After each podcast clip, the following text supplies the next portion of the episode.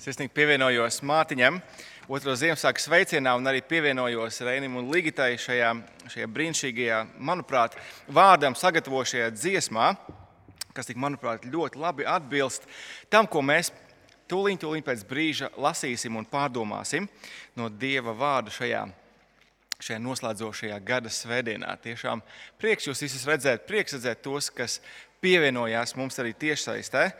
Es ļoti ceru, ka mums šīs dienas ir, ir labas. Nu, ko, draugi, atvērsim Marka evanģēliju, iespējams, tas jums ir vaļā jau, un nolasīsim kopā no 7. nodaļas 24. līdz 30. pantam. Marka evanģēlijas 7. nodaļa no 24. līdz 30. pantam. No turienes Jēzus aizgāja uz tīras apvidu. Iegājis kādā namā, viņš negribēja, ka to kāds uzzinātu, bet nevarēja palikt apslēpts. Jo kāda sieviete, kuras meitiņai bija nešķīsts gars, izdzirdējusi par viņu, tūlīt nāca un krita pie viņa kājām. Šī sieviete bija grieķiete no Sīrijas feniķiešu dzimtas un lūdza Jēzu, lai viņš izdzen dēmonu no viņas meitas. Un viņš tai sacīja: Ļauj, lai vispirms bērni tiek pabaroti, jo nav labi atņemt maizi bērniem un nomest sunīšiem. Bet viņa tam atbildēja: Jā, gan kungs, bet sunīši zem galda ēd no bērnu druskām. Tad viņš tai sacīja: Šo vārdu dēļ ej, demons ir izgājis no tavas meitas. Savās mājās nogājusi, viņa atrada meiteni gultā mierīgi guļam, un dēmons no viņas bija izgājis. Tas ir kunga vārds, un pirms mēs to pārdomājam, īsi lūgsim viņu.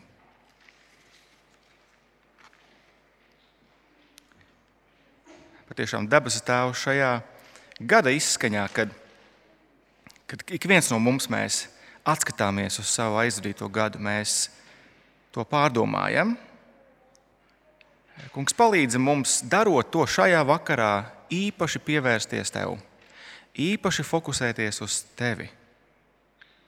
Kas tu esi, ko tu esi izdarījis, ko tu dari mūsu dzīvē. Kungs palīdzi mums domāt skaidri, palīdzi man, kungs, skaidri tavu vārdu šajā pievakarē skaidrot. Mēs tev lūdzam to Jēzus vārdā. Āmen! Un tad uz eh, tādas arī vaicāšu mums visiem kopā šo, šo jautājumu, kas arī jūsu svētkrunu lapiņas satura izklāstā ir rakstīts. Kāds, kāds jums ir bijis šis gads? Kāds tev ir bijis šis gads? Eh, pirmā brīdī varbūt šis šķiet tāds eh, nedaudz neiejūtīgs jautājums. Nu, mēs taču labi zinām, visi, kāds šis gads mums ir bijis. Pareizi. Šajos Ziemassvētkos mēs apmainījāmies ar tādām īsām Ziemassvētku vēstulēm ar saviem draugiem ārvalstīs, mūsu draugiem un atbalstītājiem. Un mūsu draugu vidū tik tiešām ir ļoti plašs spektrs. Tur ir ģimenes ar vairāk vai mazāk bērniem, tur ir neprecēti cilvēki, e, jaunāki, vecāki. Pilns, pilns spektrs. Un mēs ieraudzījām to, ka arī mūsu draugu vidū ārvalstīs Viņiem ir gājis dažādi. Viņi šajā gadā ir gājuši cauri dažādiem izaicinājumiem un grūtībām, bet, bet viņu visu vēstulēs vienoja viens kopīgs vadmotīvs. Dievs ir bijis žēlīgs, Dievs ir bijis labs. Nu, dien mēs taču, draugi, zinām pareizi, kā mums ir gājis šajā gadā. Mēs, draudzē, mēs esam priecājušies kopā, kristībās un kāzās. Mēs esam skumuši un bēdājušies kopā bērēs. Mēs esam piedzīvojuši un dzīvojuši līdzi brāļu un māsu gan priekiem, gan izaicinājumiem un grūtībām. Bet es ticu, ka arī visa tā vidū no mūsu mutēm var skanēt šī fundamentālā kristiešu atbilde. Dievs ir bijis labs man šajā gadā. Kāpēc kristieši par spīti dažādām grūtībām joprojām apliecina to, ka Dievs ir? bijis labs manā dzīvē? Un atbilde, atbilde ir tajā, ka to mums liek teikt Dieva nepelnītā žēlastība. Man patīk, kā angliski šis vārds grace, kas ir žēlastība, sastāv no šī, šī brīnišķīgā akronīma Dieva bagātības Kristus nopelna dēļ. Man ir Dieva bagātības Kristus nopelna dēļ. God's riches at Christ's expense. Un, lai apzinātos, lai apzinātos un novērtētu Dieva žēlastību, mums ir jāpaturprātā, jāatcerās šīs divas lietas. Mums ir jāatcerās, kas mēs bijām. Mums pašiem par sevi nekad nav piederējušas Kristus bagātības. Un otra lieta, mums ir jāatceras, ko Kristus ir izdarījis. Viņš ir dāsni apveltījis mūs ar savām bagātībām. Un, un tieši par šīm divām lietām mums šajā vakarā palīdzēs vairāk domāt Jēzus un sievietes atzīstiet neparastā saruna. Tad nu, vispirms atceries, kas tu biji. Kā mēs zinām, jautājums, kas es esmu, ir, ir fundamentāli eksistenciāls jautājums. To dažādi cilvēki, pat eh, sabiedrībā pazīstami cilvēki, vairāk vai mazāk publiski ir uzdevuši un nav spējuši atbildēt. Tas ir sarežģīts jautājums. Cilvēka identitāti veido gan stabili, gan mainīgi aspekti, tie ir iekšēji un tie ir ārēji faktori. To veido tā saucamā personīgā identitāte, ģimenes identitāte, sociālā identitāte. Kāpēc identitātes jautājums ir tik svarīgs? Lai citu starp cilvēku zinātu, kādas ir viņa tiesības, kādi ir viņa pienākumi, kādas ir viņa privilēģijas. Identitātes jautājums mēs redzam, ir Jēzus un sievietes sarunas pašā centrā. Mums pagaidām nezinām iemeslu dēļ Jēzus ir nonācis tīras apvidū, Jēzum acīm redzot, vajadzēja kādu atelpas brīdi no Galilejā nokaitētās atmosfēras, jo tur par viņu sāka domāt slikti, tur viņu sāka vajāt, tur sazvērējās pret viņu, viņu nonāvēt, viņš ir nonācis tīras apvidū. Un 27. pantā mēs redzam, viņš ļoti labprātās paliktu bišķiņš anonīms, viņš gribēja palikt nepamanīts. Tas ir labi, tas ir normāli, bet viņš nevarēja, jo kāda sieviete bija padzirdējusi par to, ka viņš ir tur. Mēs par šo sievieti gandrīz neko nezinām. Īstenībā Marks atklāja tikai divas lietas. Pirmā, 25. Eh, pantā viņas meitiņai bija nešķīsts gars, ļauns gars, tas, tas ko mēs uzzinām. Un otrā lieta, 26. pantā, viņa pati bija no Sīrijas feniķieša dzimtes, grieķiete. Bet cik izmisusi, cik izmisusi bija šī sieviete? Padomājiet, viņas meitiņas ķermeni nevarēja salabot vienkārši. Viņas prāts neustvēra, ko viņai saka, neustvēra dieva vārdu. Viņai nebija cerības. Viņu, e, tomēr šīs sievietes neatlaidība un mētiecība, meklējot pēc risinājuma, pēc palīdzības, bija izmisīga un, un tā bija saprotama pareizi. Un, un mums, kā evanģēlīja lasītājiem, kā Marka evanģēlīja lasītājiem, šajā brīdī ir tāds, bet mums jau nav šaubu, ka Jēzus var palīdzēt šeit. Viņš var eh, sievietes lūgumu izpildīt šādi. Jēzus iepriekš taču ir dziedinājis veselas pilsētas iedzīvotājus. Viņš ir izdenis 3000 un vairāk garus no viena cilvēka. Leģions bija tāds vīrs tur kas daudzījās kapos un darīja sev pāri. Un tad viņš ir apklusinājis jūru ar diviem vārdiem - klusu mierā. Nemaz nerunājot par to, ka pirms kāda brīža Jēzus bija piecēlis no mirušajiem sinagogas priekšnieka Jaīra meita. Nešķīsto garu izdzīšana ir Jēzus ikdienas nodarbošanās. Lasītājs saka, tā nav liela lieta. Un tā arī Jēzus nedara. Par pārsteigumu Jēzus tā uzreiz nedara.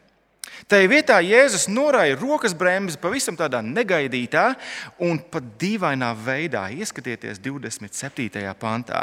Jēzus izvelk identitātes karti, pārfrāzējot, Jēzus saka sievietei, vai tu zini, kas tu esi? Tikai, protams, gluži tas nav tas, ko 27. pāns pasaka. Ieskatīsimies nedaudz rūpīgāk. Tā sāls ir sīkumos.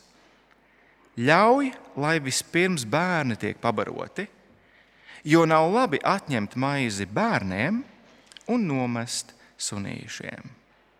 Tu piekritīsiet, dialogs sākas vairāk kā dīvaini. Paši par sevi Jēzus vārdi var šķist nevien neiejūtīgi, bet pat nedaudz rupji. Jo īpaši modernā cilvēka ausīm. Nu, iztēlojieties, vai tiešām Jēzus nosauc šo izmisošo sievieti ar viņas nomocīto bērnu par suņiem, kamēr pirms brīža Jaīrs, sinagogas priekšnieks, ar viņa meitiņu bija bērni? Kā Jēzus tā uzdrīkstās? Kāda diskriminācija? kāda neiedomājama augstprātība, teiks modernais cilvēks. Šokējoši, jā, šokējoši, bet savā ziņā Jēzus tieši tā arī pasaka.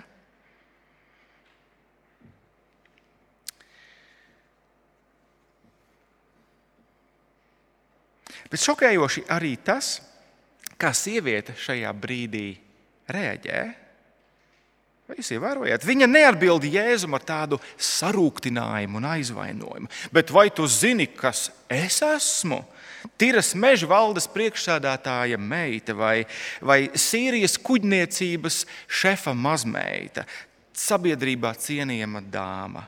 Nekā tam līdzīga. Tā vietā 28. pāns sieviete atbild: Jā, gan kungs. Bet sunīši zem galda ēd no bērnu druskām. Kas tas ir? Kas tā par atbildi? Vai tas ir tāds augsts pragmatisms, proti, nu, nav svarīgi, kā tur patiesībā ir, ka tikai vēders, pilns vai kaut kas cits.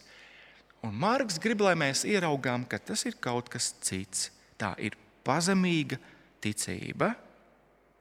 Jo redziet, pazemīgo nevar ievainot. Ievainot var tikai un vienīgi lepnumu.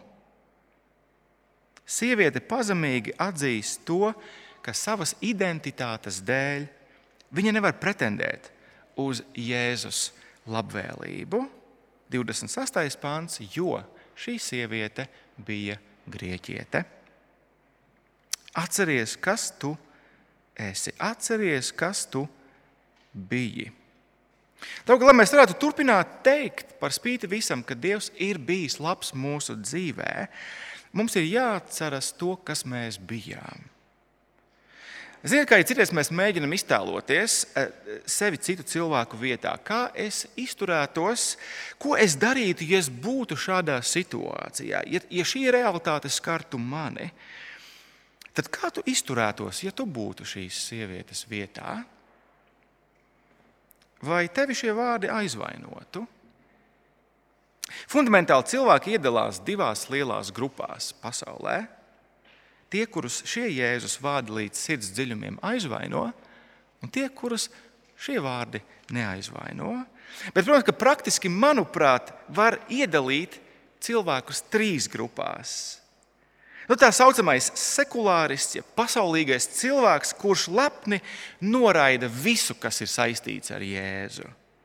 Tad ir reliģiskais, cilvēks, kurš, kurš lepni ceļ Jēzum priekšā savus dažādos nopelnus un sasniegumus. Un, un trešā tipa cilvēks, trešais cilvēks ir ticīgais, kurš pazemīgi atzīst savu vajadzību pēc Jēzus. Nu, Stikti runājot, sekulāristu mēs jaunās derības rakstos neieraugam lielākoties, bet reliģiozais cilvēks Tas sagaida mūs gandrīz katrā lapas pusē šajā evanģēlijā.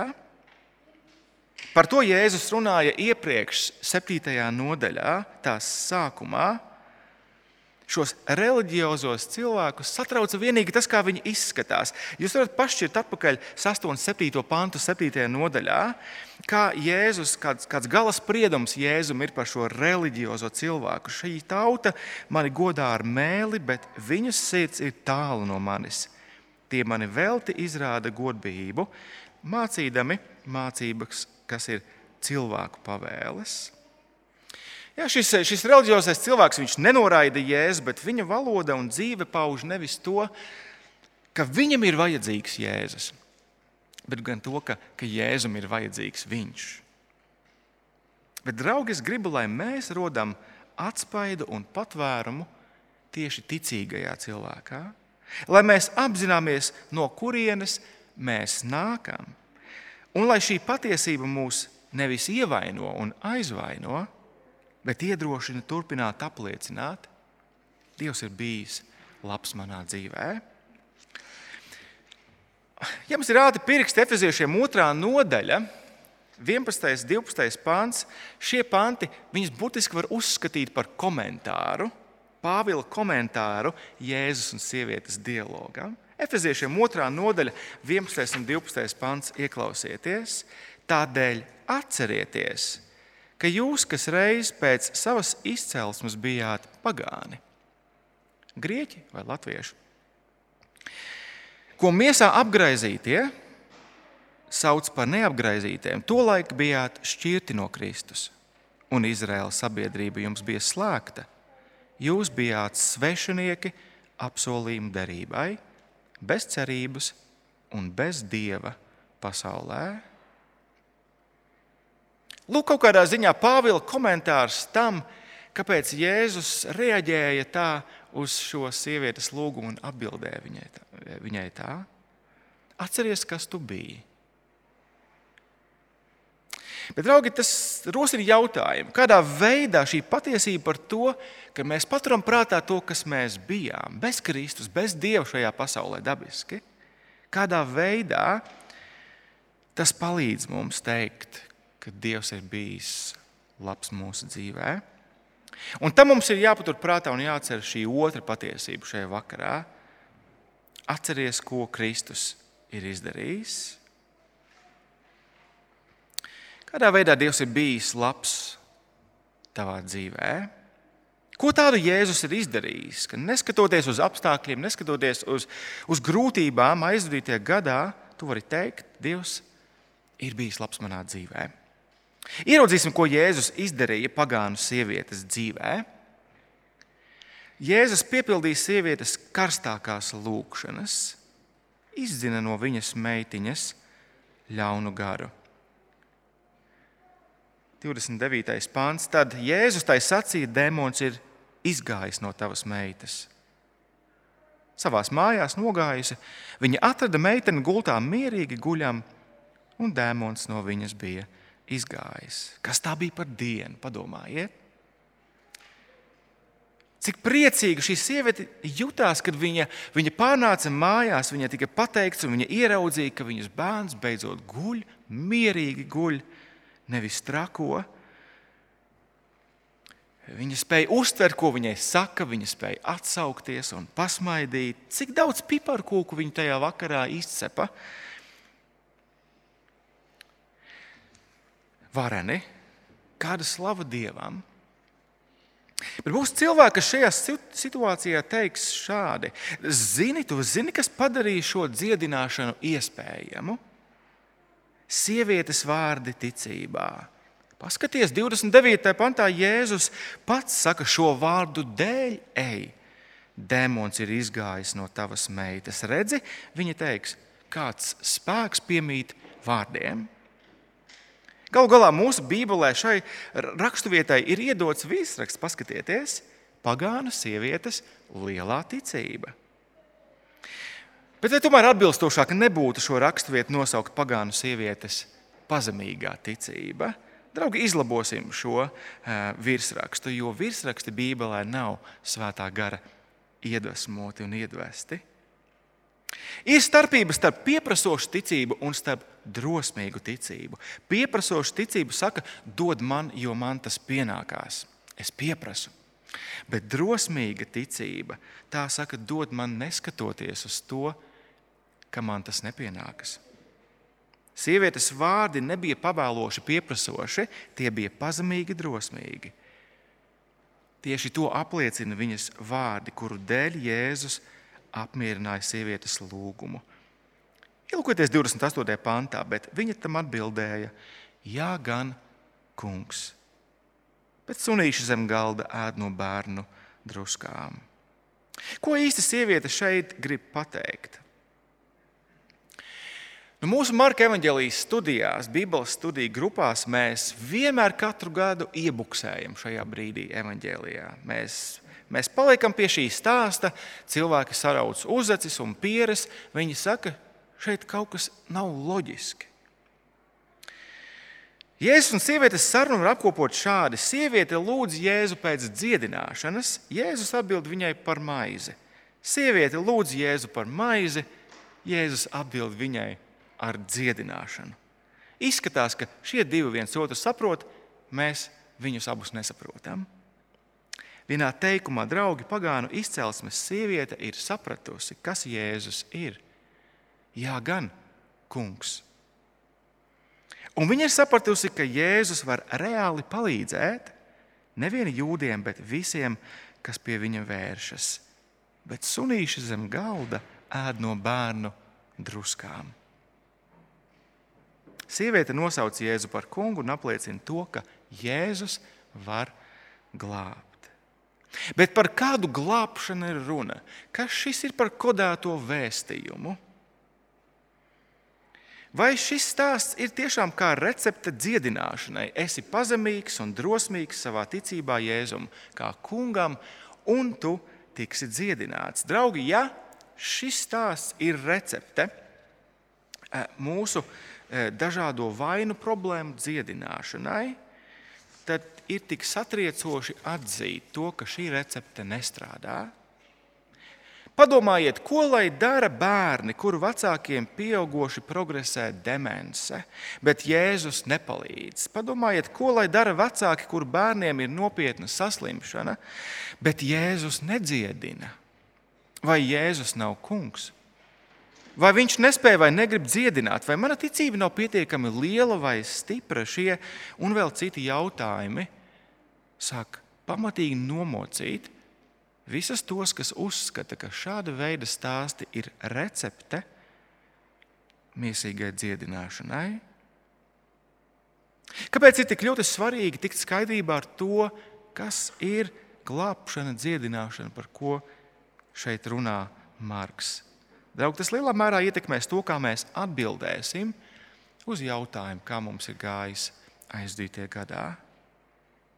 Ja mums būs skaidrība, kas ir dziedināšana, ko Jēzus ir apsolījis, mēs par spīti mūsu dažādajām pieredzēm, apstākļiem, grūtībām, mēs teiksim, Dievs ir bijis nepelnīti labs manā dzīvē. Tad, kas ir glābšana un dziedināšana, kuru Jēzus šeit ir apsolījis? Evangelista Marka atbilde ir kontekstā vienkārša, un tā ir sirds ķirurģija. Jēzus ir apsolījis atvērtas ausis, atvērtas acis un atvērtu muti. Viņš ir apsolījis atvērtas ausis dzirdēt evaņģēlīju, atvērtas acis ieraudzīt, kas ir Jēzus, un atvērtu muti apliecināt Jēzu kā kungu un glābēju.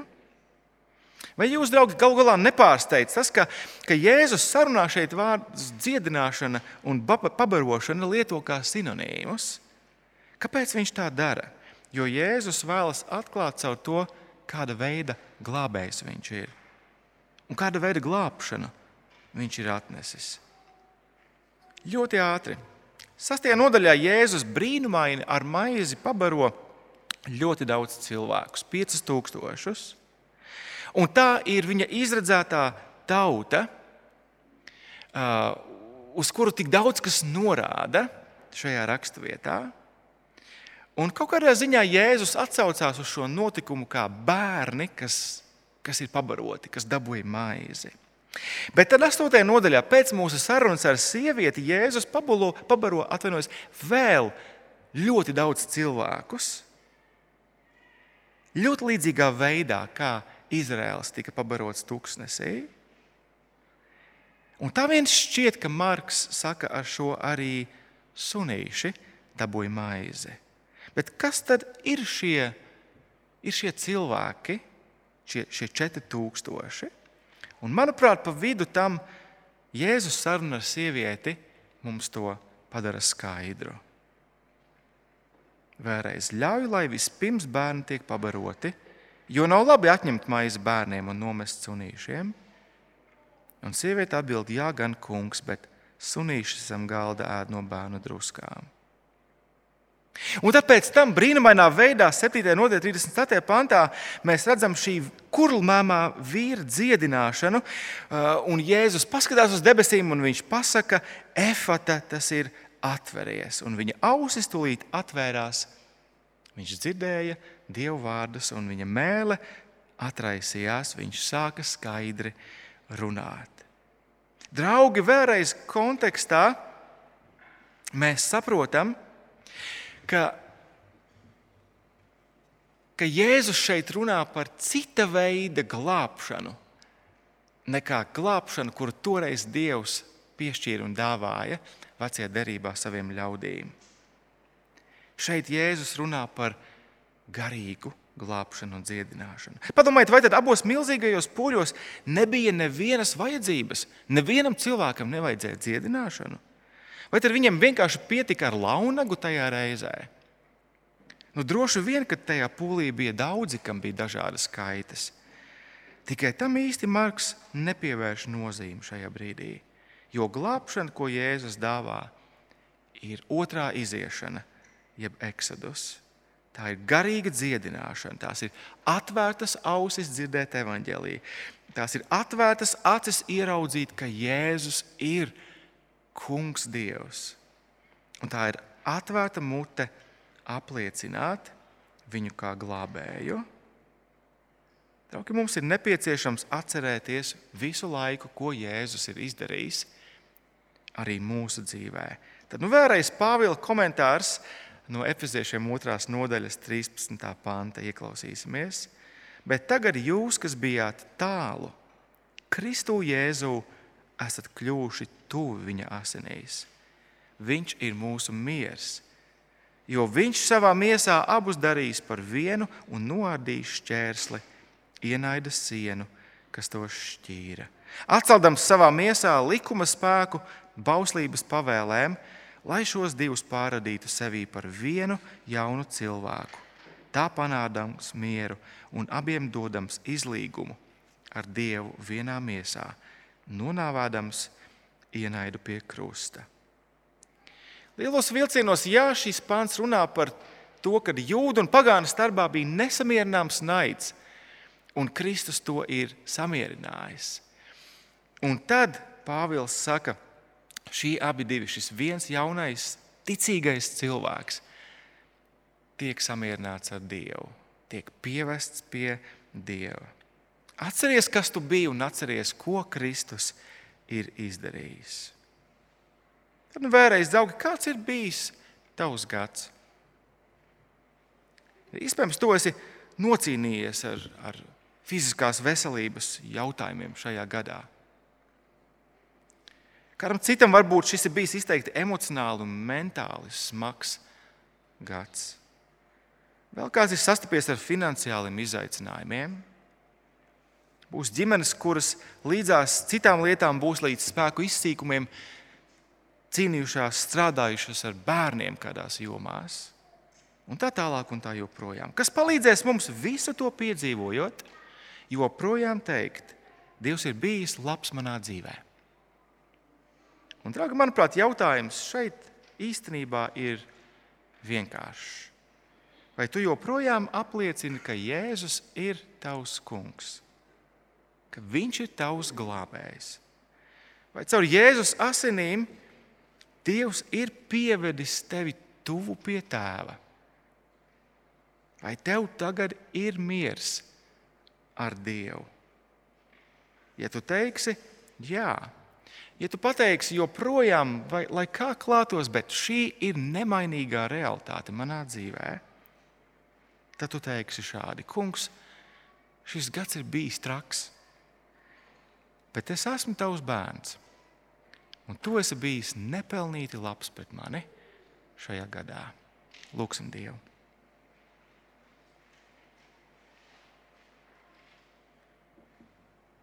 Debesu Tēvs, paldies par šo! neparasto, grūti saprotamo sarunu starp Jēzu un šo pagānu sievieti. Bet paldies, ka tu atklāji tik ārkārtīgi bagātīgi, daudz caur viņu sarunu. Kungs, paldies, ka tu atgādini arī citu starp to, kas mēs esam bijuši pirms tu mūs atradi. Mēs esam bijuši bez Dieva, bez Kristus, bez cerības, bez apsolījumiem šajā pasaulē. Bet, Kungs, Jēzus, tava darba dēļ, tev pie krusta izlieto asiņu dēļ, tu esi pievirs mūsu tūtēvam. Tu esi parādījis mums nepelnītu labvēlību, tu esi dziedinājis mūsu sirdis, esi dāvājis mieru mums ar Dievu. Un kungs tāpēc palīdz mums ar pateicību atskatīties uz aizvadīto gadu par spīti tiem apstākļiem, kuros mēs šobrīd esam iespējams, par spīti tam, kam mēs esam gājuši cauri, par spīti daudzējādai neziņai, joprojām. Kungs dod mums spēku un mīlestību uz tevi. Pateikt to, ka tu esi bijis tik nepelnīti, nepelnīti labs mūsu dzīvē. Amen!